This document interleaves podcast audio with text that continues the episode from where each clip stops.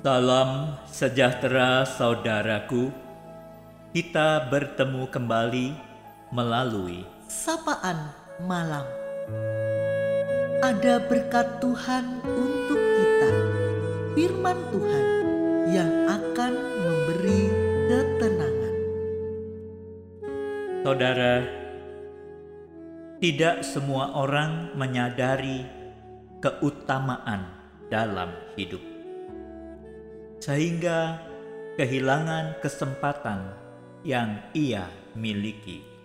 Malam ini, firman Tuhan Yohanes 6 ayat 27 hendak menyapa kita. Bekerjalah bukan untuk makanan yang akan dapat binasa, melainkan untuk makanan yang bertahan sampai kepada hidup yang kekal, yang akan diberikan Anak Manusia kepadamu, sebab Dialah yang disahkan oleh Bapa Allah dengan meterai. Yesus menyaksikan bahwa banyak orang yang sedang berkerumun itu hanya tertarik kepada kepuasan jasmani.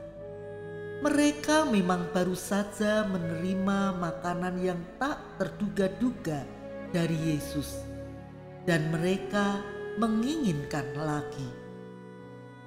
Saat itulah Yesus menyampaikan ajakan, "Bekerjalah bukan untuk makanan yang akan dapat binasa." Yesus mengarahkan dengan kasih agar jangan mencari roti jasmani, tetapi supaya mencari Dia, Yesus. Jangan mencari mujizatnya, tetapi sumber mujizat, yakni Yesus. Carilah Sang Pemberi, bukan pemberiannya. Di dunia ini ada dua macam lapar.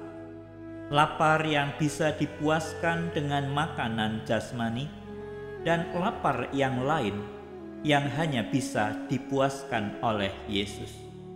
Lapar yang lain itu adalah lapar akan kehidupan, kebenaran, atau lapar akan kasih, di mana hanya Yesus yang bisa mengenyangkannya.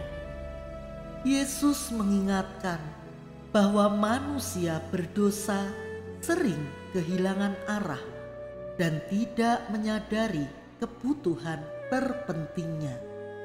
Makanan jasmani saja tidak cukup untuk membawa pada kekekalan.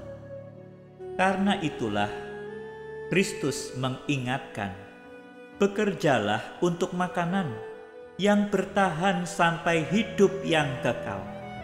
Artinya, melakukan hal penting, mengarahkan diri, jangan untuk yang sia-sia. Makanan yang bertahan hingga hidup kekal hanya terdapat dalam diri Kristus. Pada Kristus ada anugerah bagi mereka yang mendapatkannya tidak akan binasa. Mengapa hanya Yesus? Karena Yesuslah yang telah disahkan Allah Bapa dengan meterainya. Meterai artinya pada Yesus ada kepastian kebenaran Allah. Ada jaminan satu-satunya yang bisa mengenyangkan jiwa-jiwa ciptaannya yang lapar dan haus akan kasih Allah yang menyelamatkan.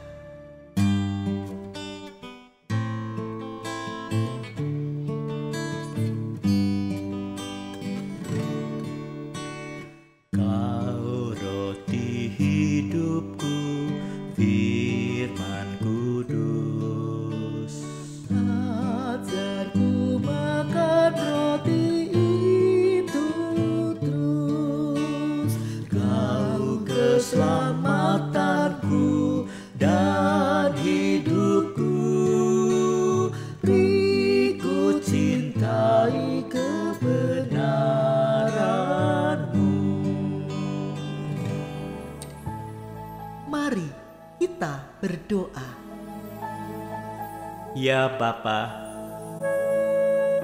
sungguh kami bersyukur pada malam hari ini.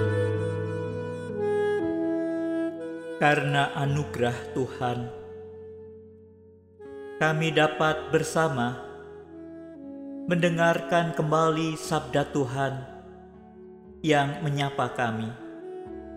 Terima kasih pada sabda Tuhan itu mengingatkan kami agar kami tidak mencari kepuasan jasmani, agar kami bekerja untuk makanan yang tidak dapat binasa, yang membawa kepada kehidupan yang kekal.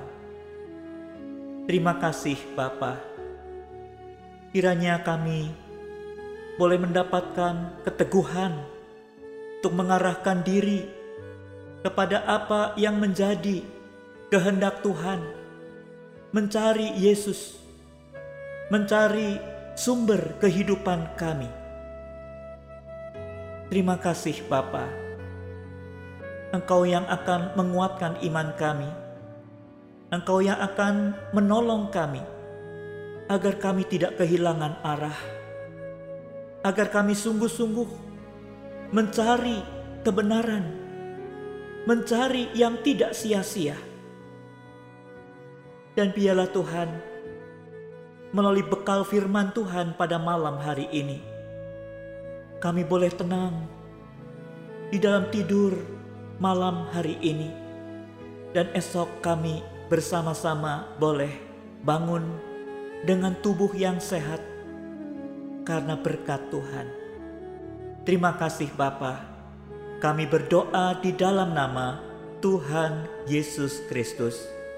Amin. Selamat malam saudaraku. Selamat beristirahat. Tuhan Yesus memberkati.